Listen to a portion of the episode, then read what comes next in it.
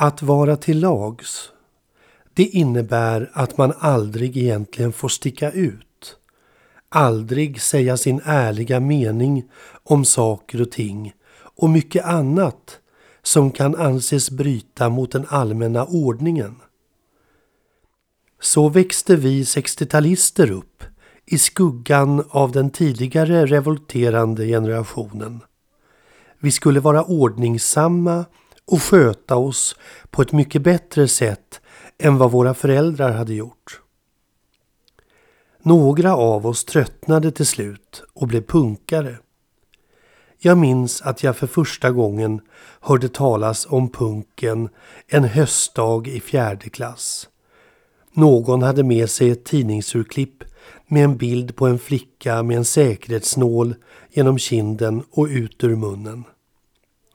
Chockerande var det både för oss och läraren.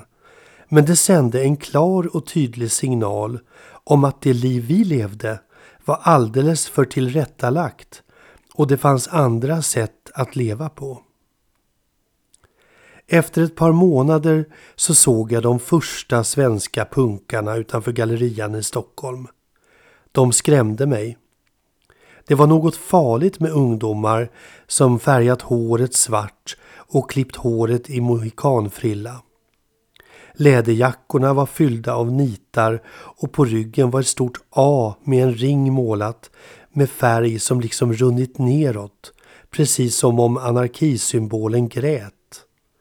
Och på fötterna hade de enkla gympadojor och byxorna var tajta svarta jeans.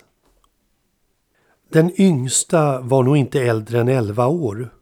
Men tydligt markerade dessa ungdomar och barn att de helt struntade i allt som vuxenvärlden tvingade på dem.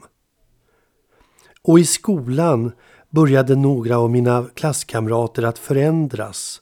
Frisyrerna blev livfullare, kläderna mer utmanande och smink användes flitigt. Och Göran, som spelade klarinett och som jag ofta spelade tillsammans med.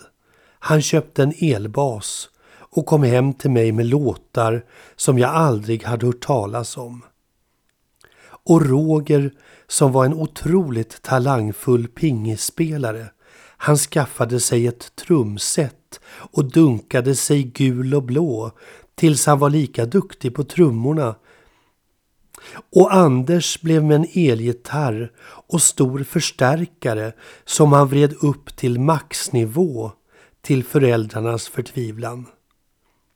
Och vips så hade klassens egna punkband fötts. Jag har för mig att namnet på bandet var Eulalia, som Åsa-Nisses gamla bil ni vet. Som pianist fanns det ingen plats för mig i bandet.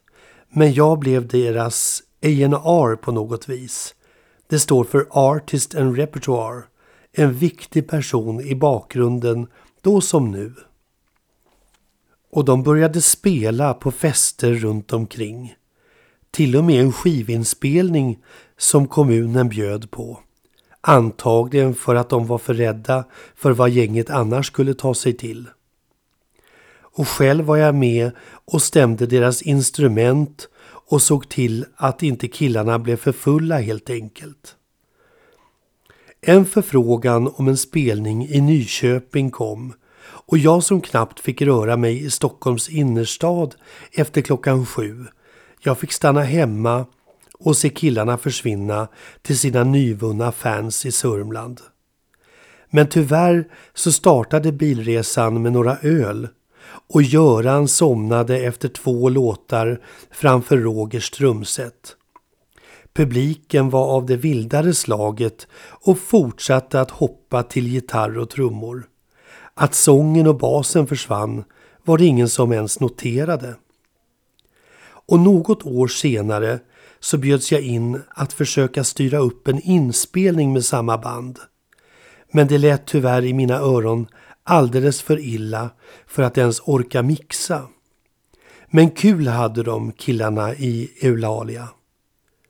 Deras instrument från den tiden har sedan länge tystnat och ligger nog nu i deras garage källare eller garderober. De spretiga frisyrerna är ersatta av de gråa tinningarnas charm. Och det skulle inte förvåna mig om det mest bestående hos killarna från denna period är en kraftig tinnitus som påminner om epoken då vår generation revolterade med buller och bång. För så enkelt är det väl med livet. När fan blir gammal så blir han religiös.